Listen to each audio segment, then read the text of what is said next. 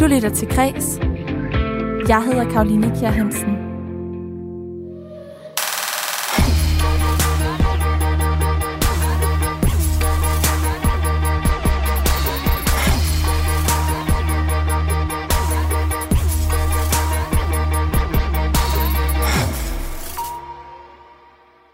I dag skifter Radio Loud officielt navn til 24-7. Men det kommer formentlig ikke til at have gavnlige effekter på kanalens renommé. Så lyder dommen i hvert fald fra branding-ekspert Jakob Holst Mauritsen. Og hvad baggrunden for at fælde den dom er, ja, det kan du høre lige om lidt, når han er min første gæst. Og det er han her i Kreds, dit daglige kulturprogram på Radio 4, hvor vi i dag også skal et smut sydpå til vores store naboland, Tyskland.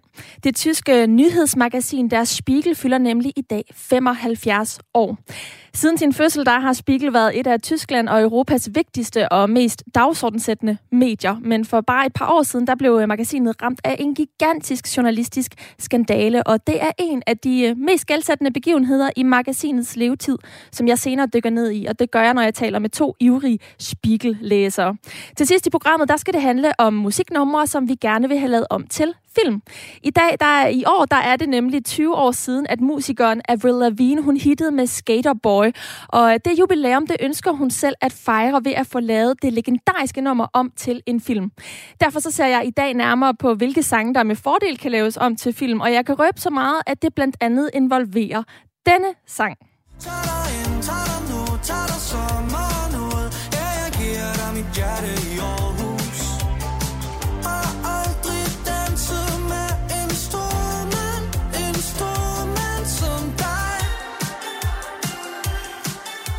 Det er øh, nummeret Stormand af Andreas Odbjerg og Tobias Rahim, og det nummer mener en af mine gæster, jeg til slut får besøg af her i programmet, skal laves om til en jysk roadtrip-film. Jeg hedder Karoline Kjær Hansen, og jeg har den store glæde af, at vi karrierer for Maja Hall i dag, og ikke mindst byde dig rigtig hjertelig velkommen til Kres.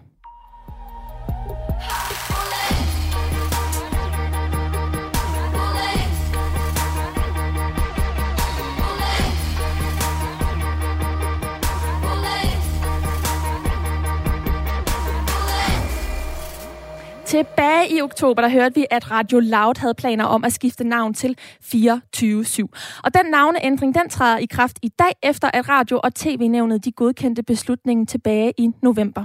Radions nye navn, det har allerede vagt en del kritik, da det ligger meget tæt op af den tidligere radiokanal Radio 24 som måtte lukke og slukke tilbage i 2019, efter at Radio Loud vandt udbuddet om en DAB-kanal.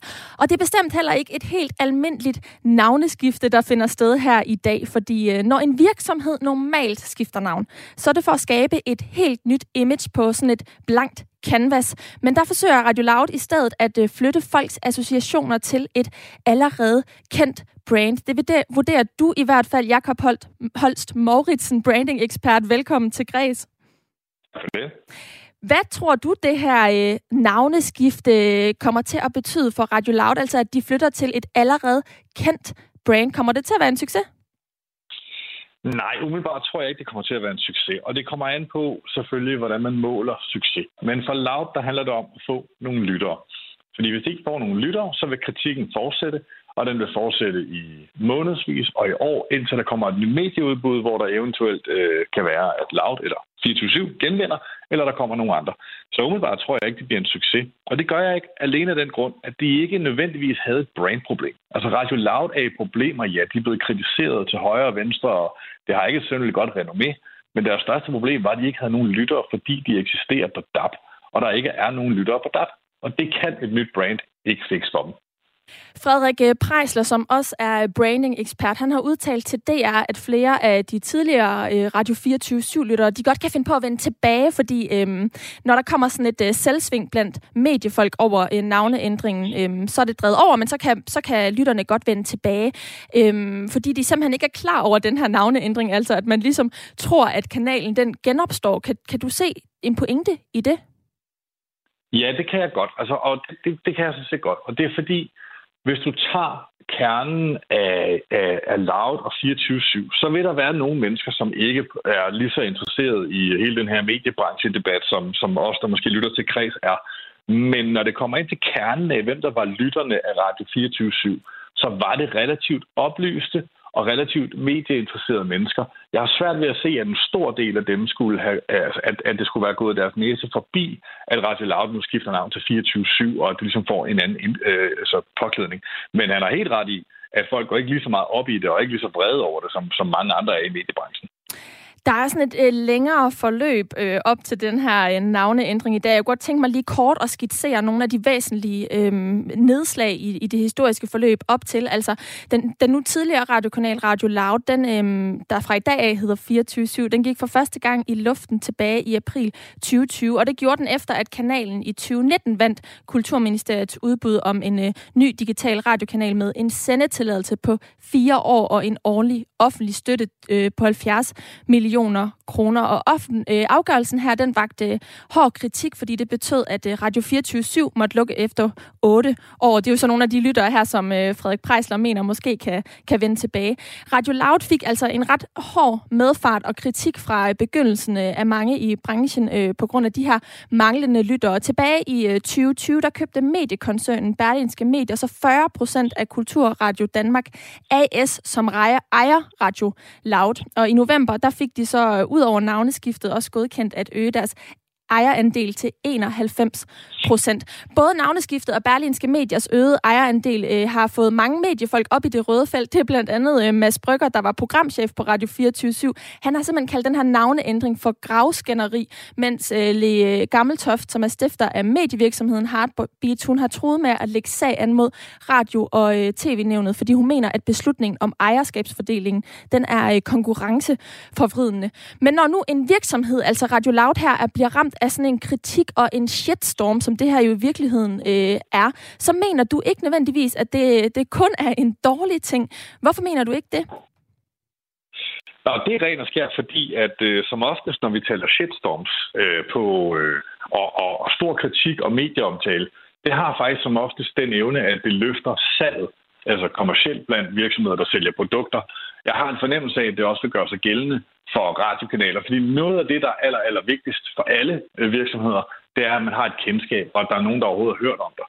Og hvis der ikke er nogen, der har hørt om det, er der heller ikke nogen, der kan overveje, når de sidder i bilen, eller når de skal høre radio, eller de tænker, hvad de skal lave, at slå ind på Radio Loud. Så kendskabet i sig selv var vigtigt faktisk at opnå. Så, så kritikken var da bestemt irriterende og hæmmende på nogle områder, men var ikke kun dårlig.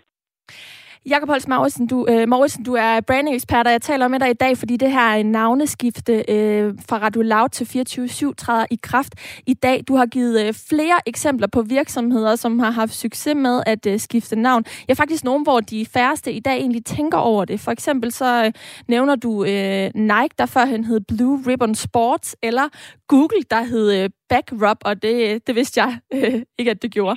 Men et af de lidt nyere eksempler, du nævnt, har nævnt, det er øh, energiselskabet Dong Energy, der i øh, 2017 skiftede navn til Ørsted. Hvorfor var det her navneskifte fra Dong Energy til Ørsted øh, en succes i din optik?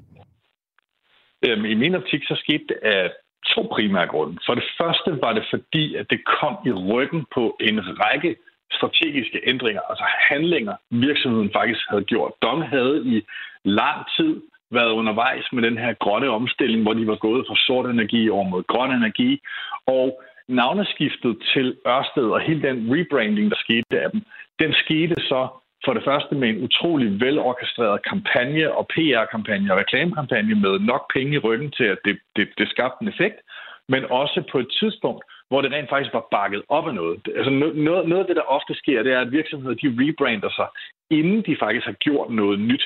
Og så begynder det at stå lidt som en hul skal på det gamle. Og det er jo i virkeligheden lidt der, hvor at man måske også kan sige, at Radio Loud falder lidt ned i fælden her, fordi hvis de nu havde taget en ny programchef og en ny nyhedsdirektør, og Berlingske Medier havde sat den nye strategi, og de havde fået deres nye profiler og programmer på plads, og havde kørt det et halvt års tid eller lignende, og så ændret navn, jamen, så kunne det faktisk godt være, at vi måske var kommet til et punkt, hvor der var nogen, der havde øh, accepteret det nu 24-7, fordi profilen havde lignet det mere. Men fordi det skete på det her tidspunkt, så kom modstanden altså i, i ekstrem grad. Så i virkeligheden, så skulle øh, man have valgt øh, at sætte ind på øh, den her, øh, det her navneskifte, øh, måske til sommer eller, eller næste år, på det her tidspunkt næste år? Nej, altså jeg mener faktisk, at man overhovedet ikke burde have gjort det, men det er sådan en rent brandstrategisk overvejelse. Fra Berlinske Mediekoncernens side har man siddet på et af de stærkeste mediebrands i Danmark. Øh, man havde ejerskabet over det. Og det, som der er udfordring ved Radio Loud, det er, at jeg tror aldrig, Radio Loud i sig selv bliver en succes. Så det, som 24-7 kunne gøre for Radio Loud, var måske at trække det en lille bitte smule op fra, fra kirkegården og gøre det lidt mindre ufedt, hvorimod at de risikerer med, med, med det træk, de gør nu, at de faktisk ødelægger den brandværdi, der lå og ligger i Radio 24 som de måske kunne have genetableret ved at vende et nyt radioudbud en eller anden gang i 2023 eller 2024. Og det er der, hvor min kritik den er primær. Jeg synes simpelthen, at risikoen for, at det går galt, og 24-7 ender med at blive et dårligt brand over de næste par år, er for stor.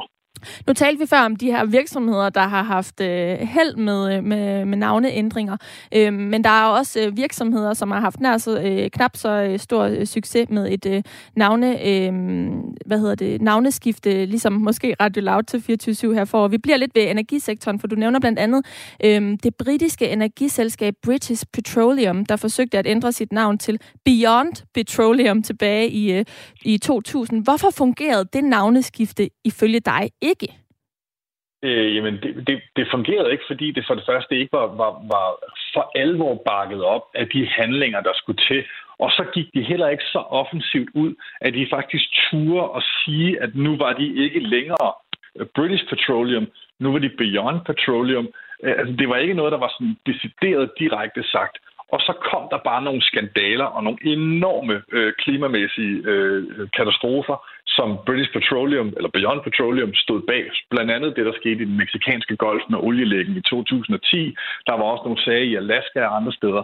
Og alt det her, det, det som, som, som en stor samling af kommunikation og handlinger, gik bare på, at, at det var måske i virkeligheden ikke rigtig Beyond Petroleum alligevel. Det var bare stadigvæk British Petroleum. Vi har jo allerede set nogle af de her skandaler i forhold til, til Radio Loud, men tror du, at de sådan skandaler eller shitstorm, som øh, Radio Loud eller 24 som det hedder fra i dag, kan blive udsat for, altså kan, kan øh, nå sådan øh, de bølger, som British Petroleum nåede? Nej, nej, nej. Altså, fordi det er jo slet ikke lige så alvorligt. Det er jo trods alt bare en radiokanal, hvis man skal være ærlig. Det er selvfølgelig skatteydernes penge, og der er mange, der er frustreret og irriteret over de penge, der er blevet lagt i Radio Loud. Og det er jo også her, hvor at udfordringen ligger.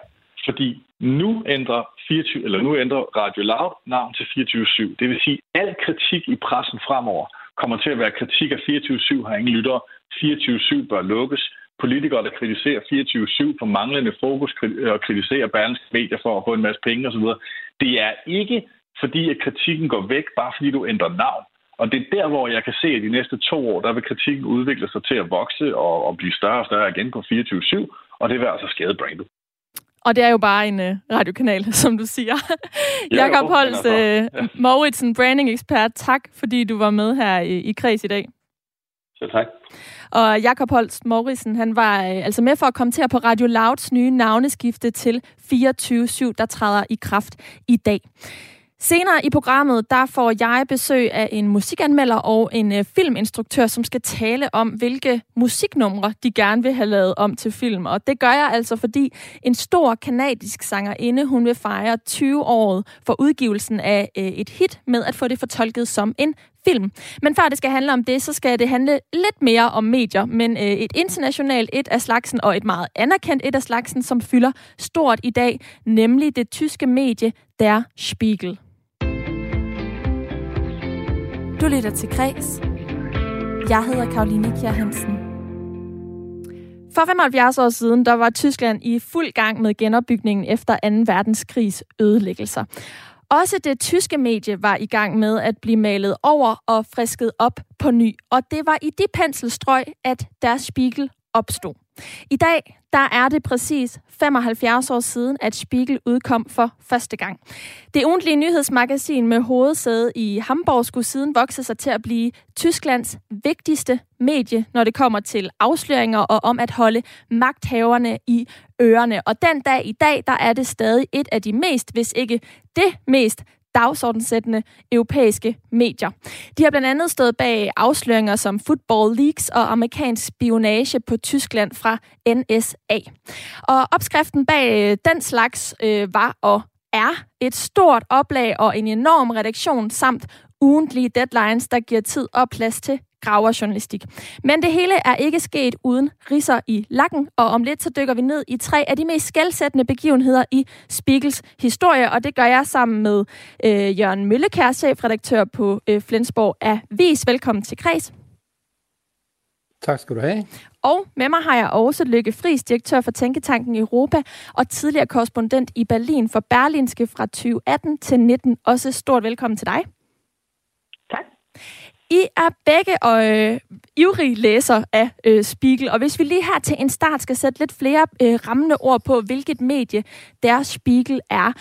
Jørgen, kan vi så ikke begynde med dig? Hvilken rolle vil du øh, mere præcis sige, at Spiegel øh, har spillet i de seneste 75 år, sådan bredt set i verdenshistorien?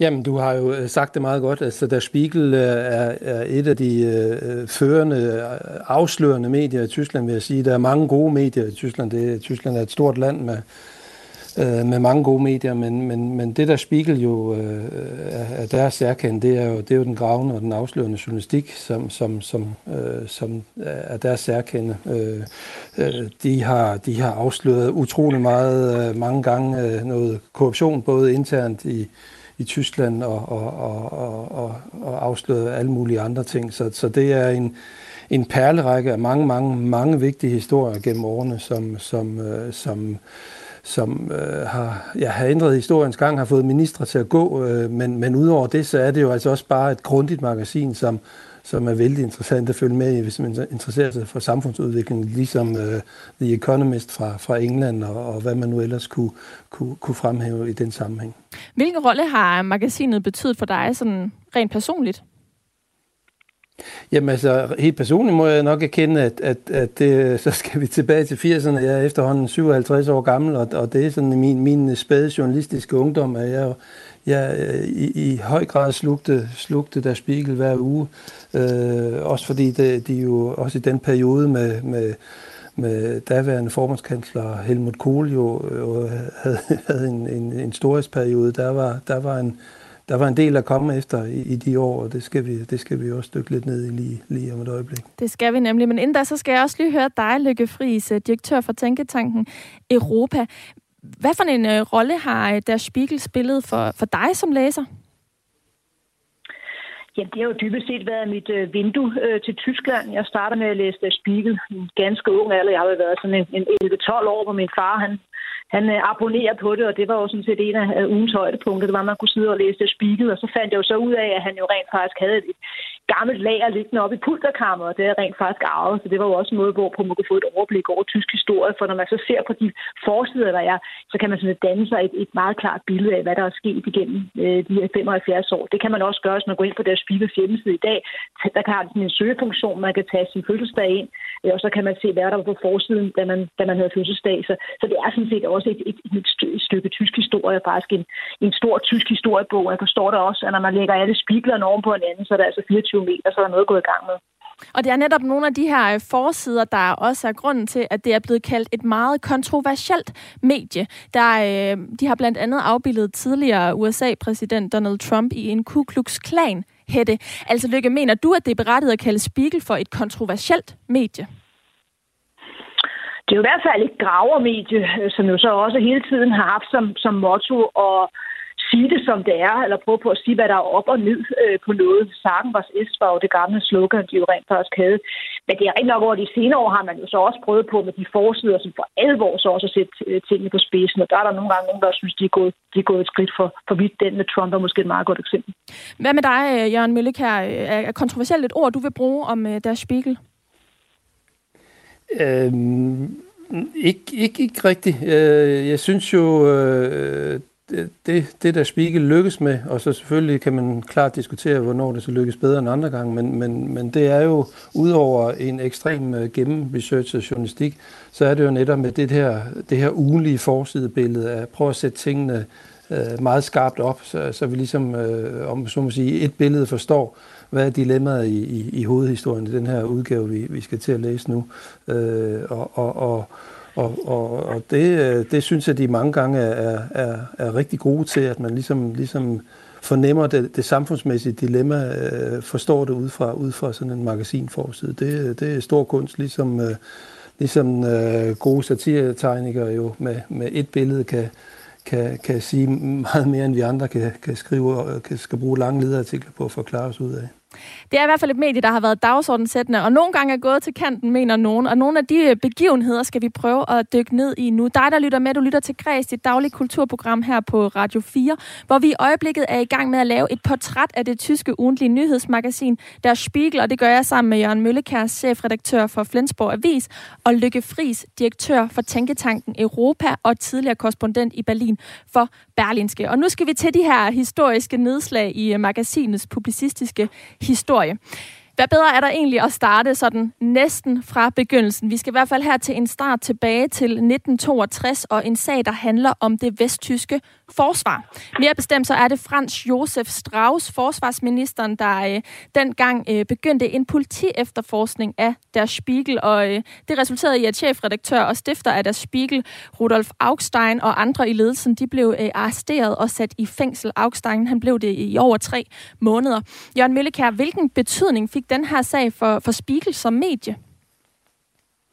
Jamen altså hele præmissen for, for, for Augstein for at starte der Spiegel i, i 1947, det var jo netop at, at imødekomme det enorme behov for, for, for uafhængige medier og kritiske medier. Ikke? Øh, det er jo svært for os andre at sætte os ind i, men, men, men øh, jeg selv lille Flensborg Avis skulle jo dengang i efterkrigstiden opleve en enorm tilstrømning af nye læsere, fordi folk simpelthen ikke øh, stolede på tyske medier. Så, så der Spiegel havde jo en, en kæmpe opgave i at, i, at, i, at, i at tage den her rolle, eller fik den, fik den ret hurtigt og, og var dagsordensættende fra dag et. Og, og, og, og 15 år efter, de så, øh, der var andre øh, større sager end da, men, men, men det, der skete i starten af 60'erne, øh, det var jo, at de, øh, de afdækkede, at, at det vesttyske forsvar, som jo var ungt på det tidspunkt, øh, og øh, ikke rigtig kunne øh, leve op til de, de krav, der var fra NATO, så, så, så Tyskland faktisk ikke kunne løfte opgaven. Og det tillod der Spiegel sig at skrive, og, og, og det kan man jo ryste på hovedet over i dag, at, at nogen kunne gøre til en, en Spiegel-affære, som den jo blev kaldt i Tyskland. Men, men, øh, men i, man skal også huske på, at i 1962, det er altså året efter, at Berlinmuren øh, blev bygget, øh, det, det, det er den allerkoldeste tid i den kolde krig, og, og, og under Konrad Adenauer, den konservative øh, forbundskansler, øh, der, der, der så man altså med, med, ikke med milde øjne på det, man betragtede som landsforræderi. Ikke? Altså, da, da Spiegel havde afsløret noget, der kunne skade Vesttyskland. Det kan man også dybest set diskutere, om, om det gjorde. Det var jo sikkert givetvis en nyttig information for, for Sovjetunionen dengang, at, at Tyskland havde, havde, havde et, øh, ineffektivt forsvar. Men, men ikke desto øh, mindre, så, så var det jo en relevant historie, som enhver journalist med respekt for sig selv selvfølgelig skal fortælle, hvis man kommer i nærheden af den. Øh, og, og, og det var en øh, mediepolitisk skandale af de aller, aller største i, i, i efterkrigstiden i Tyskland, at, man, at en, en regering øh, Øh, decideret gik ind og fik anholdt både en chefredaktør og ledende journalister og lod dem være fængslet i flere måneder. Det, øh, det, øh, det, det udløste både en regeringskrise, men jo også en kæmpe, kæmpe opbakning til der Spiegel og, og det, de stod for, og det, at man selvfølgelig i et, i et ægte tysk demokrati, det genopståede demokratiske Tyskland, Lykke Friis, øh, selvfølgelig også må leve med, med fri presse. Ja, Lykke Friis, vil du betegne det her som en øh, væsentlig spiegel-affære, som det også bliver kaldt? Jamen altså, man kan jo ikke forstå efterkrigstiden øh, i Tyskland, uden at man har den her øh, begivenhed ved. Det var jo sådan set det, der knæsatte pressefriheden, og huske på, ja, det var efter den kolde krig, og selvfølgelig også efter nationalsocialismen. Så, så det var også, for at citere en Tysklands førende historiker Heinrich August Winkler, så var det det, der udløste et stort liberaliseringsskub i Tyskland. Simpelthen også fordi, at man jo så også satte spørgsmålstegn ved andre øh, autoriteter umiddelbart efter, at det her var sket. Og det førte jo også til, øh, som også Jørgen er inde på, jo altså, at Konrad Adenauer, den mangeårige tyske kansler, han var jo nødt til at gå af. Øh, og det skabte jo så også en, en anderledes politisk stemning, og var jo også med til så efterfølgende, men også kunne få et regeringsskifte med Willy Brandt. Så en meget, meget stor begivenhed, som typisk knæsatte pressefriheden i Tyskland. Øhm, hvis vi sådan lige også skal opsummere, Lykke, hvad, hvad for en betydning fik sagen så her for, for samfundsdebatten i, i Tyskland? Jamen, den betød jo simpelthen, at frie medier blev, blev et omdrejningspunkt, og efter den, så var der jo så også ligesom sådan, så skulle ikke flere begynde at, at kaste ud noget lignende, i hvert fald ikke sådan på samme person. For det her med, at en tysk forsvarsminister personligt sørgede for at få en journalist jo så øh, anholdt i Spanien, det var jo helt, det var jo helt grotesk, at sådan noget kunne foregå. Så det ændrer jo sådan set også forhold mellem, mellem magthaverne øh, og, og befolkningen og dem med medierne. Det næste nedslag, nedslag vi, skal, vi skal dykke ned i, det er lidt tættere på Danmark, i hvert fald sådan rent øh, geografisk, og det handler om den tidligere ministerpræsident i Slesvig-Holsten, Uwe Barschel. Det er en sag, som øh, du, Jørgen Møllekær, har kaldt Tysklands Watergate. Hvorfor har du det? Ja, det, det er nu ikke mig, der har kaldt det det. Det var der Spiegel, der gjorde det i 1987, da de, da de afslørede sagen. Men, men, men, men det, er jo en, det er jo en sproglig øh, finurlighed også, fordi øh, på, på, på sådan nordtysk øh, øh, dialekt, der, der snakker man om vandkanten, de, øh, de, waterkant, altså, øh, og, og da Watergate så ligger tæt på, så blev det til sådan et, et vandkantsgate øh, i, i, i tysk sammenhæng. Øh, det, drejer sig, det drejer sig om øh, jo, at en, en, en meget øh, magt, øh, hvad skal man kalde det, øh, magtbesat øh, ministerpræsident, øh, Øh, der i 1987, efter han havde været, øh, øh, været delstatschef i fem år, frygtede at blive væltet af Socialdemokraterne. Og så fik han simpelthen øh, sin, en af sine nærmeste medarbejdere, en, en, en, en, en pressemedarbejder, øh, øh, en spindoktor, om man vil, i nutidens sprog, til at, til, at, til at prøve at undersøge, om der var noget, om man kunne finde noget smus på modkandidaten, Socialdemokraten Bjørn Engholm. Øh, og det, øh, det, gik, øh, det gik ret vidt. Øh, man, øh, man lod, lod undersøge via skattemyndighederne, om man havde betalt sin skat. Det viste sig så, at det havde han gjort, så det kunne man ikke, ikke belaste ham med. Øh, så havde man hørt rygter om, at, at Bjørn Engholm var homos, også øh, øh, havde indtil flere kvindelige veninder, altså havde et udskejende seksuelt liv. Det prøvede man at afsløre ved at sætte detektiver på ham. Øh, det, det, øh, det kom man så heller ingen vejen med. Øh, og, og, og den sidste idé fra ham, Barsel, det var, at, øh, at sådan en ministerpræsidenttelefon, den bliver sikkerhedstjekket en gang imellem.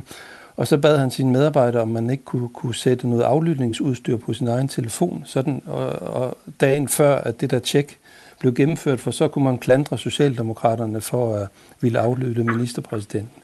Øh, alle de her ting lykkedes ikke, men det, der gik galt for Barsel, det var, at det kom frem, at han havde prøvet øh, Øh, at, at finde noget smus på sin modkandidat. Og der Spiegel offentliggjorde det simpelthen dagen før valget i 87. Øh, og, og det går så, at, at Barsel han, øh, han kæmpede lidt imod, men der gik kun to uger, så måtte han simpelthen trække sig, øh, fordi, øh, fordi det selvfølgelig var, en fuldstændig vanvittig sag, som, som interesserede hele Tyskland. Ja, vanvittig kalder du den nu her, men Lykke Friis, hvad mener du egentlig er det sådan interessante i den her misære?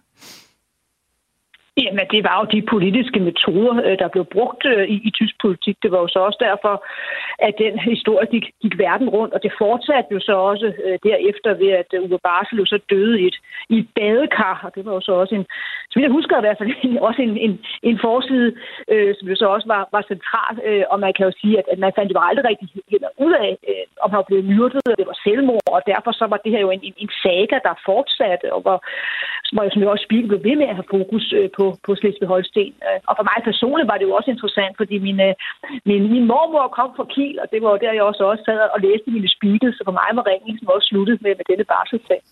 Og nu skal vi også slutte øh, den her øh, ring, men i den lidt øh, flove ende for øh, Der Spiegel. Det han, øh, den sidste nedslag her, det handler nemlig om skandalen om digterjournalisten Klaas Relotius. Han var en øh, prisvindende Spiegel-journalist, øh, som avisen selv øh, skamfuldt måtte afsløre, havde opfundet hele 14 af sine historier for, øh, for magasinet. Hvad har det betydet at få, øh, få smadret, så at sige, en af de her øh, topjournalisters øh, renommé? Hvis vi begynder med dig, øh, Lykke Friis. Ja, det var jo en, en, en ikke kun en rise, men en flænge jo så i, i renommeret for, for Der Spiegel, for et, et medie, der slår sig op på at være graverjournalistik af allerhøjeste klasse og har sloganet, at man skal sige tingene, som det er. Øh, der er man sidder og digter. Øh, det var jo godt nok et, et, et stort problem. Øh, det var jo også sådan, at øh, på trods af, at Der Spiegel jo har jo virkelig også nogle kontrolmekanismer, så var det ikke de klassiske kontrolmekanismer internt på redaktioner, så fangede det her. Det var sådan set en kollega, der var freelance journalist, der fik en mistanke, og så gik i gang med at researche sagen og, og, og kravlede så helt, hele op og fandt ud af, at det var, det var løgn øh, for størstedelen af det.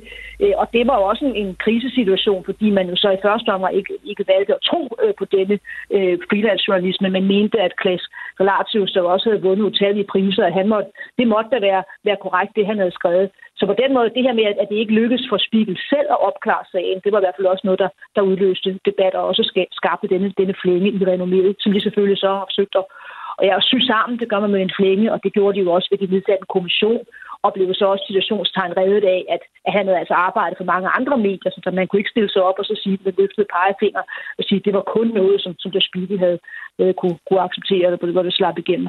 Hvilken betydning har det haft for dig som læser?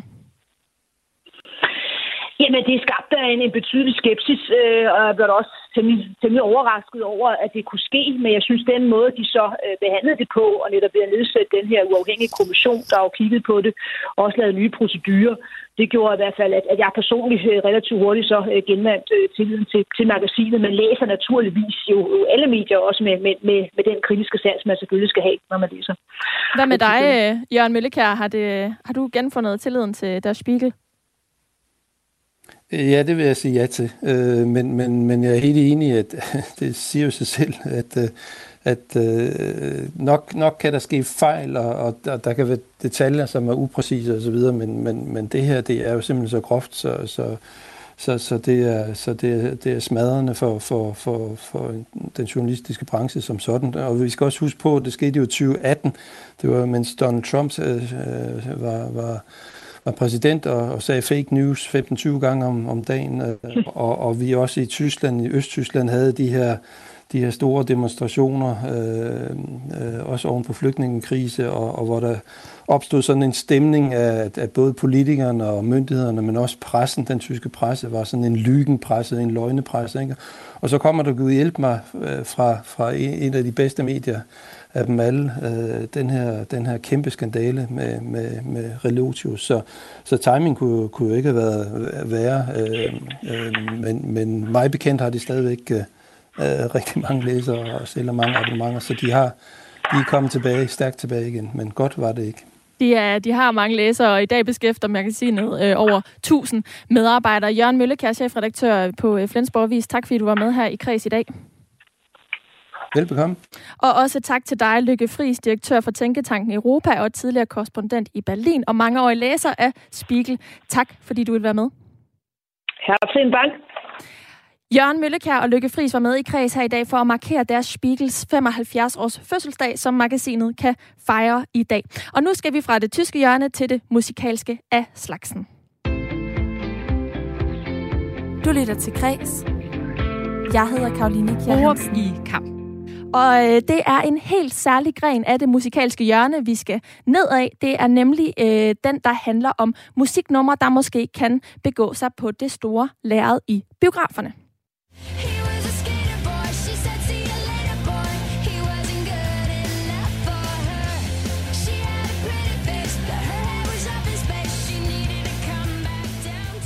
Det her, det er nummeret Skaterboy af kunstneren Avril Lavigne. Og det er et nummer, som i år kan fejre 20 års jubilæum, og i den forbindelse, der har Avril Lavigne selv udtalt, at hun gerne vil lave nummeret om til en film.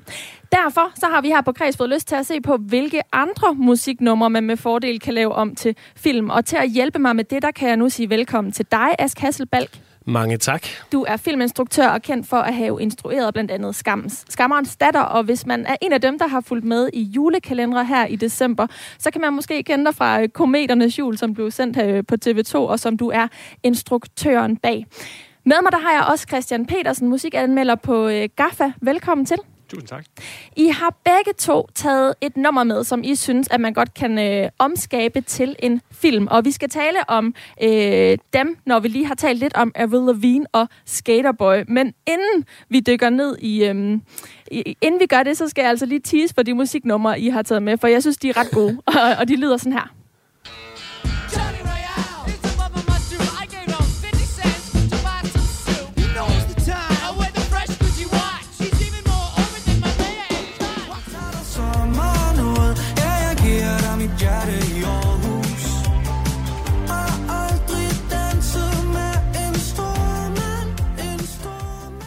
Ja, det første, det var øh, ikke det mest kendte Backstreet Boys nummer, Johnny Ryle, som, øh, som du, Ask Hasselbalg, har taget med. Ja, præcis. Øhm, og du mener, det skal blive sådan en slags bumset Forest Gump-film. Ja, altså jeg tænkte jo, at det er jo en meget, det er jo en meget sjov øh, udfordring at ligesom skulle lave en spillefilm baseret på en sangtekst. Og så tænkte jeg sådan, okay, der skal alligevel virkelig noget kød på, øh, på sådan en nummer, før at man ligesom kan underholde folk i halvanden time i biografen.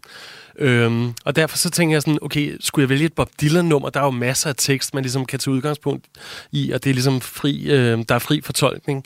Men jeg valgte Beastie Boys med øh, Johnny Royale her, øh, fordi at den handler om en øh, bums, som de her tre Beastie Boys øh, gutter så på gaden. Øh, øh, i månederne op til, at de indspillede øh, deres mesterværk Pauls Butik tilbage i 89. Og, øh, og sangen her handler om øh, den her bumsede type, som de ligesom går og tænker, okay, han er så bumset, men han har alligevel en eller anden form for elegance. Måske har han en eller anden fortid. Og så har de her tre øh, rapper så fundet på sådan, okay, hvad kunne han egentlig lave? Hvad er denne her mands fortid? Og der kommer de jo blandt andet frem til, at han øh, er fra Memphis, øh, og han har en fortid med sådan nogle rockabillys, og han har haft munden fyldt med guldtænder på et tidspunkt, og skrevet Blue Suede Shoes til Elvis Presley. Og så tænker jeg, okay, det er måske meget sjovt at lave sådan en, øh, ja, en, en form for sådan en hiphoppet Forrest Gump-fortælling. Enten sådan en fuldstændig straight øh, film, hvor man følger den her mand, der bliver til en kæmpe rockabilly-stjerne, og så ender som en bums på gaden. Eller måske en tidsrejsefilm, hvor de her tre rapper tager tilbage i tiden og møder den originale Johnny Royale. Amen, As, du har, du har meget på hjerte her, kan jeg høre. Lidt senere, så skal vi høre, altså, du har gjort dig endnu flere tanker omkring det her. Det skal vi høre uh, lidt mere om, uh, om lidt, fordi vi skal også lige kort vende uh, Stormand med Tobias Rahim og Andreas Odbjerg, som du har taget med, Christian Petersen. Um, og det er noget, du mener, der skal blive en roadtrip-film fra Aarhus. Og som ægte Aarhusianer, så uh, vil jeg meget gerne se den film, og har det nummer meget nært. Men vi dykker ned i, hvordan de her film de skal udmønte sig mere præcist om lidt. Først så er vi altså lige nødt til at få sat lidt flere ord på Avril Lavigne, fordi hun er jo årsagen til, at vi overhovedet tager det her emne op i dag. Og det er fordi, det i år er 20 år siden, at øh, nummeret Skaterboy udkom. Øhm, og det vil hun så markere med at få lavet det her nummer til en film. Christian Petersen, du er øh, musikanmelder på GAFA og vores musikekspert her øh, i dag, og du beskriver Avril Lavigne's øh, Skaterboy, det her nummer, som en slags light punk. Altså, jeg lyttede til det, da jeg var sådan lidt... Øh, emo-agtig i, øh, i slut folkeskolen, øh, begyndelsen af gymnasiet. Øh, men, men, og, og light punk synes jeg sådan set umiddelbart er, øh, er meget godt. Helt punk vil jeg trods alt ikke betegne mig. Men, øh, men hvad mener du, når du siger, at det er en slags light punk? Jamen, Avril Lavigne, hun bygger lidt videre på, på den musik, som sådan er kommet med, med Green Day og Offspring sådan op igennem 90'erne, som er det her amerikanske take på på punken. Det vil sige, det er ikke så politisk, det er ikke så beskidt. Det er i stedet for stramme bukser med huller i og, og nitter, så er vi mere over i øh, noget baggy ting. Og det har tit noget med at stå på skateboard at gøre. Og det kan man sige, det har Avril Lavigne jo i den grad grebet øh, tidsånden på, på det her nummer. Skateboardet, det kom øh, i min historie til øh, lidt senere. Der skulle jeg øh, op i årene og, og, og smide noget af det der lidt emo-forklædning. Man kan også skate uden at, at være emo. Men øh, vi skal lige høre lidt mere nummeret, synes jeg. Så her kommer øh, nogle, øh, noget af omkvædet, fordi jeg også ved, at du har nogle pointer omkring øh, rimene i omkvædet. Og det kan vi jo så lige prøve at lytte lidt efter.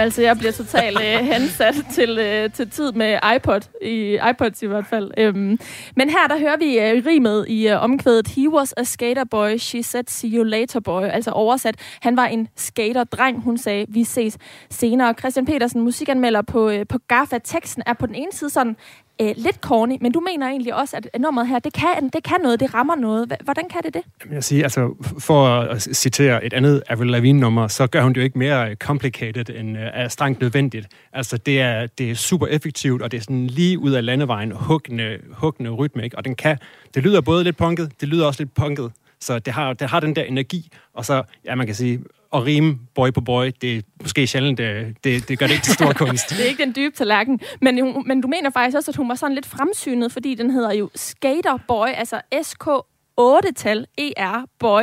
Hvordan kan man sige, at hun har været fremsynet med den øh, stavemåde? Nu står jeg jo herinde i et uh, Radio 4 studie, hvor der er et uh, firtal i stedet for A'et, så der har hun ramt dem ret godt, ikke? Altså, du kan nærmest ikke kigge rundt på en, en stor kulturel bygning i dag, uden at så skal der være et et-tal til hest, fordi det hedder Doc 1, eller et, noget af den stil. Så, så der, har hun, øh, der har hun ramt meget godt, synes jeg. Og tidligere i dag, der havde vi også et indslag om det nye 24-7, som altså også er tal og bogstaver, der øh, bliver blandet. Men Christian Petersen, musikanmelder på Gaffa, jeg og Ask Hasselbalg, jeg har jeg i studiet, øh, fordi at Avril Lavigne, hun har udtalt i podcasten She is the Voice, at hun her 20 år efter udgivelsen af nummeret er klar til at tage Skaterboy altså et skridt videre. Det skriver i hvert fald Gaffa, og hun udtaler blandt andet i, det her, øhm, i den her podcast. På det seneste, hvor nummeret Skaterboy har 20 års jubilæum, har mange mennesker bedt mig om at spille sangen i forskellige tv-programmer.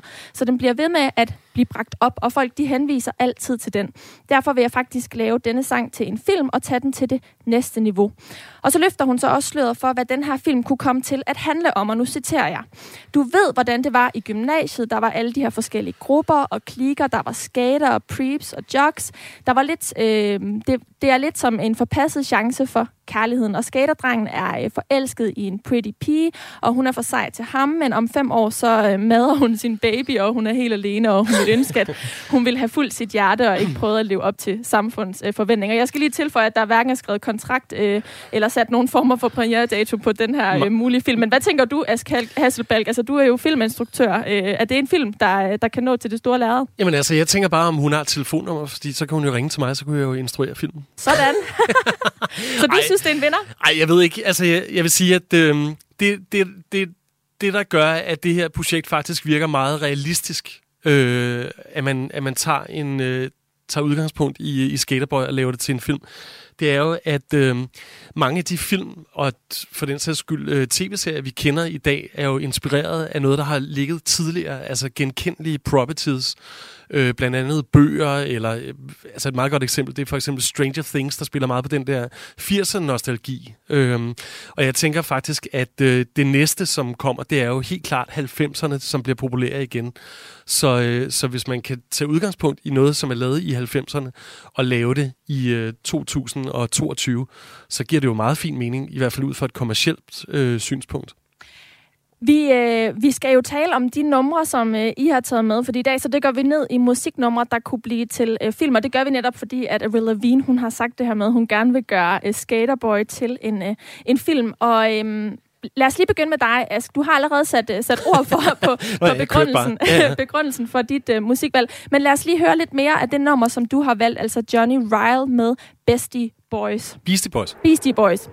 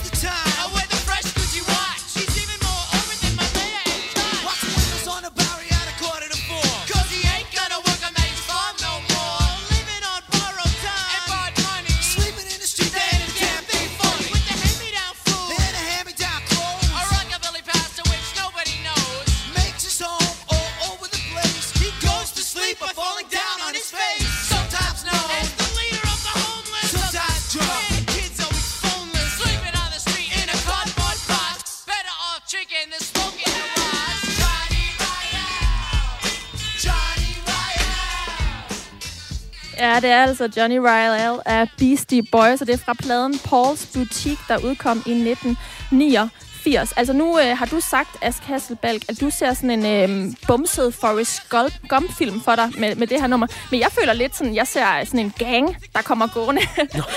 Hvordan, kan du prøve at forklare, hvorfor du tænker, det er en bumset Forrest Gump? Ej, jeg vil sige, jeg kan godt forstå, også hvis du ikke kender Beastie Boys så godt, at du ser sådan en gang, der kommer gående, ikke? Øhm, jamen, en bumset Forrest Gump, altså det, teksten handler jo som sagt om Johnny Royale, som, som de her tre Beastie Boys støder på. Øhm, øh, sommeren 8, 88. Det er faktisk en rigtig øh, karakter, øh, eller en rigtig person, de så på gaden. Og så er det jo hele det der øh, mytiske omkring det der med sådan, alle bumser eller alle hjemløse har jo en fortid. Så hvorfor ikke gå ind i den og ligesom se på, hvad gik der egentlig galt for vedkommende? Og det behøver ikke være en socialrealistisk fortælling. Det kan jo lige så godt være en fortælling om en mand, som ja, i, i det her tilfælde har haft alt, og, øh, og nærmest har oplevet øh, alt inden for amerikansk populærkultur og musik, og så undervejs så er det bare gået fuldstændig galt for ham. Øh, det tænker jeg, det er en film, jeg egentlig gerne ville se, og som man kunne ja, strække ud til halvanden times øh, fiktion. Jamen, det, jeg, kan godt, jeg kan godt følge dig. Men nu sagde jeg, at nummeret det, her, det er fra 1989. Ja. Øhm, og vi har lige talt om den her nostalgi 90'er-viben. Øh, tænker du, den sådan skal foregå i, i nutiden, eller, eller hvilken tidsperiode øh, forestiller du dig? Altså, jeg er jo sådan en, jeg er jo sådan en genre, genreinstruktør, så jeg ville helt klart sige, at den skulle øh, som udgangspunkt øh, starte i 80'erne. Altså lidt ligesom Back to the Future, ikke? Og så øh, skulle de her tre Beastie Boys øh, så teleporteres tilbage til 50'ernes øh, rockabilly-tid øh, i Memphis, hvor de støder blandt andet på Elvis Presley og, øh, og finder ud af, at Johnny Rad her, han har skrevet Blue Suede Shoes, eller det påstår han i hvert fald. Ask Hasselbalg, du er jo selv øh, filminstruktør og står blandt andet bag Skammerens Datter og Kometernes øh, Jul. Jeg, jeg tænker, at det er en film, du selv skal instruere, men hvilke, hvilke skuespillere skal være med? Uha, Jamen, det, er jo, det er jo selvfølgelig det. Laver vi den på dansk, eller laver vi den på amerikansk? Valgfrit. Hvad du tænker er realistisk? Mm. Jamen altså, så lad os uh, kaste den på dansk. Det er jo helt klart sjovest, ikke? Øhm, jamen altså, det, altså, Johnny Royale, det skulle jo selvfølgelig være en... Øhm, en, øh, måske kunne det være en, øh, åh, det er svært. Øh, måske sådan en som Anders Hove, hvis I kender ham. ja. Anders Hove, han er, ja, ja. sådan en, øh, han, er, han er ham, man ringer til, hvis man skal bruge sådan en, en lidt vild, crazy fyr. Han kunne godt være en, en dansk Johnny Royale, og så skulle man selvfølgelig finde ud af, hvem der kunne spille ham som ung. Øh, og det kunne eventuelt være hans søn, måske øh, øh, Elliot Hove ville være et meget godt bud, øh, tænker og, jeg. Og hvornår, øh, hvornår forventer vi øh, at kunne se den øh, på det store lærred? Ja, men altså, det, øh, nu kigger jeg på mit ur, øh, skal vi sige, om, øh, altså det går hurtigt. Vi skal jo bare lige sælge den ind til Netflix måske, ja, ja. så øh, jeg tænker, vi kan se den til efteråret måske. Sådan. Den, den vil jeg faktisk i hvert fald gerne se. Jeg synes, at det er et ret uh, groovy nummer. Hvad tænker du, Christian Petersen? Du er musikanmelder, og på Gaffa er også med her i studiet. Og det, det er et super godt valg, og jeg tænker altså også fordi, at, at Beastie Boys er jo kendt for også at have en, en meget skarp visuel stil. Ikke? Altså jeg sad med det samme og tænkte, Beastie Boys tænker sådan, jamen Sabotage, den er jo nærmest allerede en, en kortfilm i sig selv i den video, de har lavet, som er den der Starsky and Hutch 70-stil. Så jeg er sikker på, at Beastie Boys de er med på den her. Men, men nu er du jo inde på det her med at kombinere ligesom en, en, en sang og, og en, altså den visuelle, det visuelle ved det visuelle udtryk ved en sang. Hvad, hvad tænker du, Christian Petersen, en sang skal, skal kunne for, at det ligesom kan tages til øh, et filmniveau? Det er jo sjovt, der kan man gribe den an på forskellige måder, ikke? fordi den indgang, jeg har fået, jeg var lidt bange for, at man prøvede at gøre det for meget til vi, skal, vi har skrevet manus allerede. Altså, at det her, det skal være en 3,5 minutters kortfilm, som man ligesom godt kunne servere i, i, i filmformat, fordi det, det kan jeg godt numre der med, ikke? Og der er for eksempel et amerikansk band, der hedder Fountains of Wayne, som er sindssygt gode til at lave sådan nogle fortællinger i deres historie, og så kan man smække en video på, og så har man faktisk en hel, en hel film på 3,5 minut. Men jeg ved ikke også, om, om Ask måske kunne det være federe også at få blive sluppet lidt mere fri, altså tage noget, der er lidt nemmere sværere at, at tolke på, hvor, hvor instruktøren han også har lidt mere fri leg. Ja. Altså det, det kommer jo meget ind på, hvilken instruktør, der har tilknyttet projektet. Jeg vil sige, at, at øh, jeg kan egentlig meget godt lide, også fordi jeg opererer meget inden for genre som instruktør her, jeg kan meget godt lide de der begrænsninger, der er. Øhm, så jeg, jeg, jeg kan egentlig meget godt lide, at Johnny Real-teksten her, at den ligesom er så meget en til en, at man ligesom siger, okay, vi ved, vi skal til Memphis, Tennessee. Helt klart. Hvad skal der foregå der? Altså, på, altså så, så der er nogle fuldstændig klare linjer. Men du har da fuldstændig ret, at hvis man... Øh, altså nu startede jeg øh, hele indslaget med at nævne Bob Dylan, for eksempel. Det er jo også en, som har skrevet en masse tekster, som er fuldstændig åben for, fortolkningen, og det vil jo også, helt klart også være interessant at ligesom sige, okay, du skal lave denne her sang, øh, Tangled Up in Blue for eksempel, til, til en spillefilm. Det vil jo også være en interessant udfordring. Men Bob Dylan, han er jo også øh, digter øh, og forfatter, og, og det, er det i virkeligheden så sådan øh, tekster, hvor der er noget øh, mellem linjerne, så at sige, altså man selv kan fortolke det ind i det. Er det det, du tænker, Christian Petersen? Ja, præcis. Altså, at, altså det, når vi kommer til min, så vil jeg sige, jeg har lavet nogle, nogle hvor der er nogle, nogle sikre nedslag, men der er virkelig også åben for fortolkning. Jeg vil sige, min, det kan både blive en dreng og en pige, når det kommer til filmen. Ja, men øh, vi må lige høre lidt af den her. Den kommer, øh, det er Stor Mand af Tobias Rahim og Andreas Odbjerg.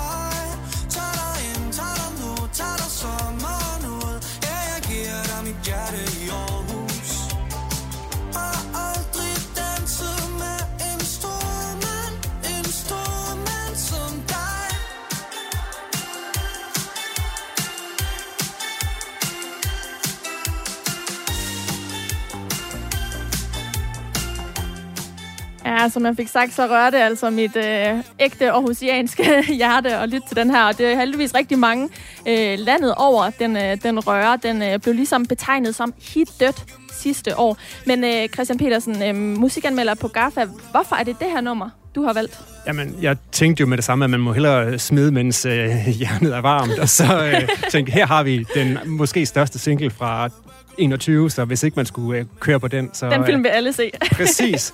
Og så, øh, og så gik jeg jo, altså, og det beklager jeg, nu ryger det kunstneriske ud, jeg gik direkte i den kommercielle og tænkte, vi, vi, rykker, vi rykker til Aarhus, Vestdanske Filmpulje, de vil være parat til at smide nogle penge efter det her. Men prøv, prøv at Christian, du skal slet ikke undskylde, for jeg elsker jo Andreas Rødbjerg. Han lavede jo også temaet til Komedernes Jul. Ja, det er jo det, det er jo det.